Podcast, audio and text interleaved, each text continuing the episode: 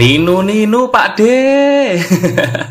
Kebayang nggak sih paranoid kalau kita punya karyawan yang nggak spek idaman banget, pastinya tiap hari ada aja yang bikin kita pusing. Nah, di episode kali ini Terapi Omset akan membahas tentang cara mendapatkan karyawan idamanmu. Seperti biasa bagi kamu yang baru mendengarkan podcast ini, ini adalah channel podcast yang membahas seputar bisnis dan pemasaran bersama saya Alfian Javanika, konsultan bisnis syariah pertama di Noise.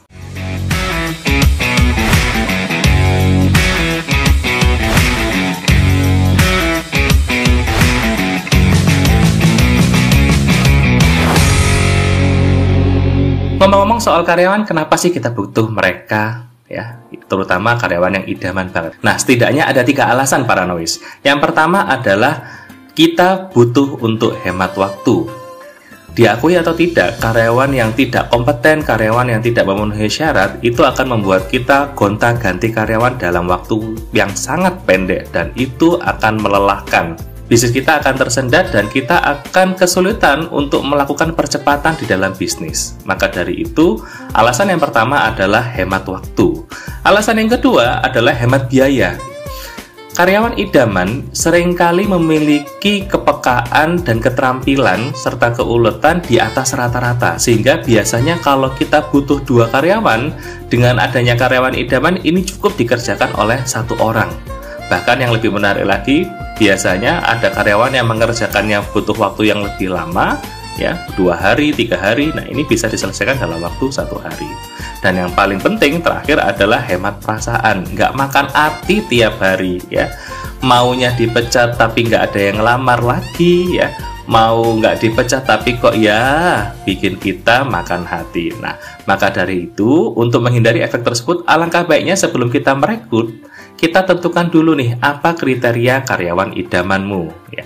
Karena nanti kerjanya bareng paranoid pastinya paranoid yang menentukan standarnya. Tapi paranoid bisa nyontek nih. Terapi omset punya beberapa hal yang bisa dipertimbangkan. Berikut ini adalah kriteria karyawan idaman versinya terapi omset. Yang pertama adalah clarity atau kejelasan. Dari mana kita dapat kejelasan dari seorang karyawan? Dari pertanyaan pertama yang kita ajukan kepada mereka. Jadi, Ketika Anda melakukan wawancara ataupun tes untuk menerima karyawan, jangan gunakan cara yang konvensional ya. Karena cara-cara yang konvensional itu uh, akan membutuhkan waktu yang panjang dan lama ya. langsung aja disikat gitu. Kenapa kamu mau melamar di tempat kerja saya? Ya, jawabannya pasti bermacam-macam. Ada yang cari pengalaman ada yang uh, pengen dapat gaji ada yang apa namanya untuk ngisi waktu luang whatever lah. Tapi selama apa pun itu alasannya adalah untuk kita untuk menyenangkan kita. Karena saya melihat ini perusahaan baru karena saya melihat ini bisa berkembang dan sebagainya. Maka semua hal itu dalam tanda kutip merupakan alasan yang klise ya Orang bekerja untuk mengubah kehidupannya, bukan untuk mengubah kehidupan kita. Nah, ini yang harus dipahami. Seringkali paranoid ketika memiliki bisnis, eh, kita seolah-olah merasa punya hak untuk menggunakan karyawan sebagai eh, sapi perah kita, ya. Jadi kita menggunakan karyawan untuk menghasilkan profit. Nah, hari ini kalau paranoid mau mendapatkan karyawan idaman, salah satu cara yang bisa dipakai adalah kita gunakan bisnis ini untuk menemukan orang yang tepat. Nah, dibalik ya. Jadi kita bukan gunakan orangnya, tapi kita gunakan bisnisnya. Caranya gimana? Ya, kembali lagi kita harus temukan dulu bara apinya nih. Apa sih yang membuat orang itu harus mau bekerja? Ya, bekerja bisa di mana saja, bukan hanya di tempat kita. Tapi kalau misalnya mereka bekerja di tempat kita, kita harus tahu dulu nih motivasinya apa ya. Apakah dia punya kegelisahan dalam hidup yang harus dijawab? Misalnya dia butuh penghasilan cepat untuk modal nikah ataupun uh, dia butuh uang untuk bayar kehidupannya sendiri ya apa pun itu bebas tapi yang paling penting adalah dia mulai berpikir untuk dirinya sendiri dan orang lain ya. Dan orang lain ini bisa jadi keluarga ataupun uh, saudara-saudaranya. Ya, itu akan membuat dia lebih sustain karena dia memiliki alasan yang kuat. Ya. Dan para anawis tidak perlu khawatir kalau uh, anda tidak bisa memenuhi ekspektasinya. Nanti ada caranya ya. Yang paling penting orangnya mau dulu nih ya. Mem membuat orang itu termotivasi dengan sendirinya. Nah itu nggak mudah. Daripada kita habiskan biaya untuk pelatihan lebih baik kita cari orang yang memang sudah punya siap gitu ya. Artinya kalau dia sudah punya kegelisahan yang harus dijawab suka duka di dalam bisnis kita paranoid ya mereka akan terima itu sebagai konsekuensinya. Sebagaimana kalau orang masak ya otomatis uh, pasti akan kecipratan minyak goreng gitu ya. Kalau misalnya orang main tinju ya pasti kena tonjok. Nggak mungkin uh, ada orang latihan tinju terus kemudian uh, kena tonjok dia komplain sama sponsor atau pelatihnya. Plan kok saya kena tonjok ini gimana? Kan tadi aturannya kan kita main uh, main tinju-tinjuan gitu. Kan nggak bisa begitu ya. Nah setelah paranoid dapat clarity mereka langkah selanjutnya adalah kita tes secara kompetensi ya. Jadi berikan pekerjaan yang sesuai dengan bidangnya. Anda harus memiliki standar kerja misalnya kalau dalam waktu 10 menit atau 5 menit orang itu bisa menghasilkan berapa produktivitas. Kalau misalnya Anda cari tukang cuci piring, maka Anda tes dengan cuci piring yang kotor ya. Dalam 5 menit dia bisa menyelesaikan berapa banyak. Ya, kalau misalnya standarnya adalah 30 Anda tetapkan ya, Anda cek kira-kira uh, si karyawan ini ketika dia melakukan tugasnya dia menyelesaikan berapa gitu ya kalau dia misalnya mau kita rekrut sebagai seorang koki ya kita cek. Untuk menyelesaikan satu masakan dia butuh berapa berapa lama gitu ya. Uh, mulai dari food prepnya atau mulai dari mengolahnya assemblingnya dan lain sebagainya, dan sebagainya. Akuntansi pun juga sama. Untuk menyajikan sebuah data teman-teman harus punya studi soalnya dulu gitu ya. Nah ini yang sering kali luput ya. Ketika eh, teman-teman hanya dipuaskan oleh lip service tapi tidak mengecek sampai di kompetensinya Nah, kalau clarity-nya beres dan kompetensinya sudah teruji, maka langkah yang ketiga kita akan bicara tentang karakter. Nah, untuk kondisi karakter ini paranoid, saya sangat menyarankan carilah karyawan yang memiliki kesukaan atau hobi yang sama dengan Anda. Biasanya orang-orang yang memiliki hobi atau kesenangan yang sama, mereka akan lebih mudah untuk cair dan satu frekuensi ya. Karena kita mau tidak mau menghabiskan 8 jam untuk bekerja itu bersama mereka. Sehingga kalau misalnya mereka tidak nyaman tidak satu frekuensi dengan kita itu akan sangat sulit sekali membangun chemistry-nya di dalam pekerjaan ya. Anda punya hobi katakanlah uh, nonton anime ya carilah mereka yang memang hobinya nonton anime juga gitu ya. Supaya ketika nanti terjadi kebosanan Anda bisa melakukan kegiatan bersama dengan karyawan Anda ya tanpa harus pakai topeng gitu ya eh, sekedar pura-pura suka dan sebagainya begitu kurang lebihnya. Nah itu tadi adalah tiga kriteria karyawan idaman versi dari terapi omset yaitu pertama clarity yang kedua adalah kompetensi dan yang ketiga adalah karakter. Nah terus kalau sudah dapat kriterianya gimana nih caranya membuat mereka datang kepada kita? Nah pengalaman saya para noise Sebelum paranoid membuka satu lowongan pekerjaan, alangkah indahnya kalau paranoid melakukan terlebih dahulu e, penawaran ya. Yang paling dibaca pertama kali ada kompensasi bicara tentang gaji ya. Mau tidak mau suka tidak suka di Indonesia ini gaji yang dilihat pertama kali ya.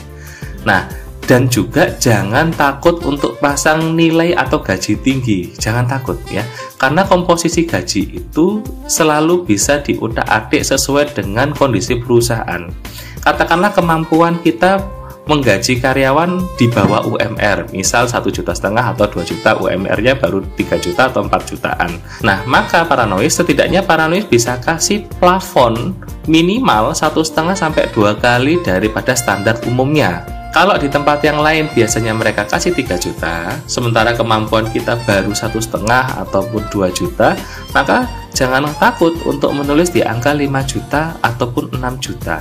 Ya. Nah, Selisihnya bagaimana? Selisihnya akan kita solusikan seiring dengan pertumbuhnya perusahaan. Jadi eh, paranoid juga harus bisa menghitung ketika paranoid merekrut karyawan, mereka ini bisa digaji ketika perusahaan memiliki omset berapa. Nah, ketika perusahaan ini memiliki omset lebih, maka berikanlah sharing kepada mereka, misalnya eh, 200 rupiah per porsi ya. Kalau misalnya kita lewat dari 100 porsi per hari, maka porsi ke 101 dan seterusnya setiap karyawan dapat 200 rupiah gitu ya. Misalnya begitu. Nah, inilah untuk menutup ke selisih daripada ekspektasinya mereka. Jadi ada fixed cost, ada gaji tetapnya, gaji pokoknya, ada insentifnya. Nah, insentifnya ini yang digedein para noise ya. Jadi memberikan ruang mereka untuk mendapatkan penghasilan demi mencapai clarity-nya mereka itu tadi gitu ya. Nah, di samping juga para Paranoid juga bisa memberikan para karyawan kesempatan untuk mempromosikan perusahaan dengan kata lain adalah sebagai marketing ya.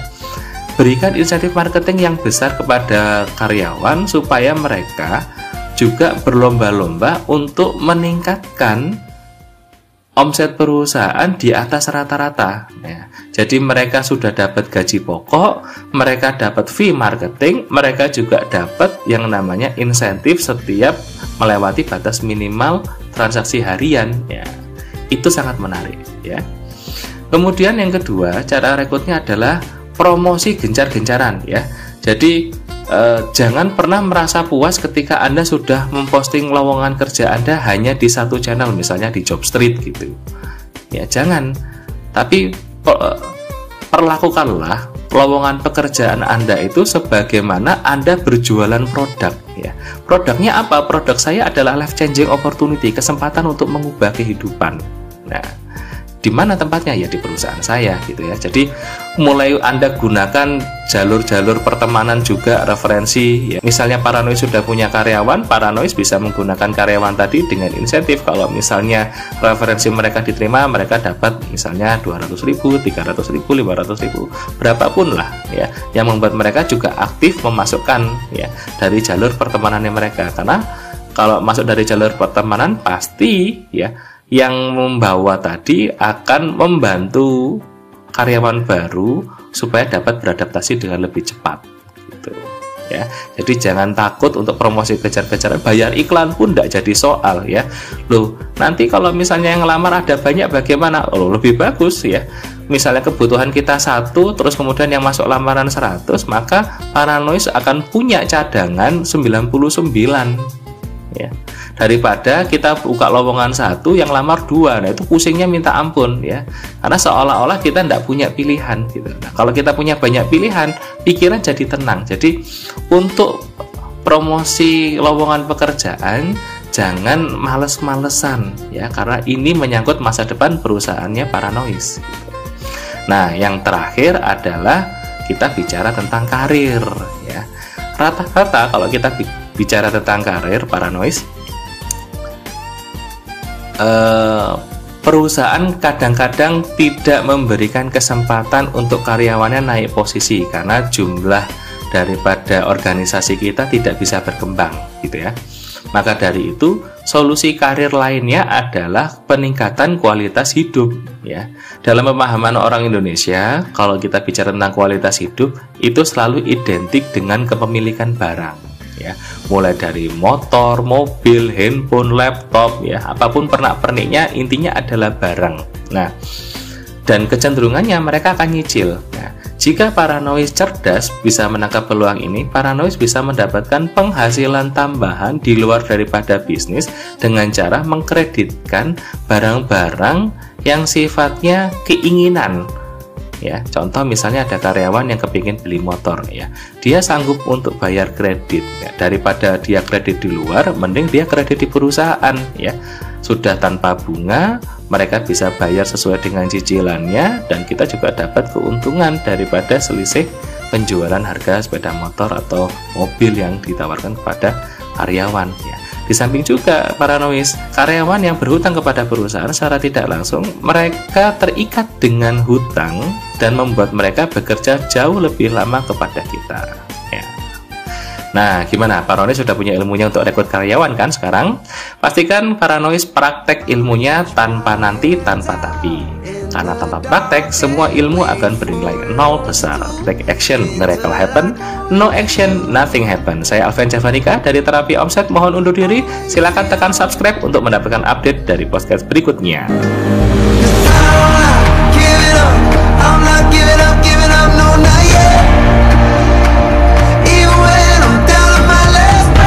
Feet at all times. You know the rules.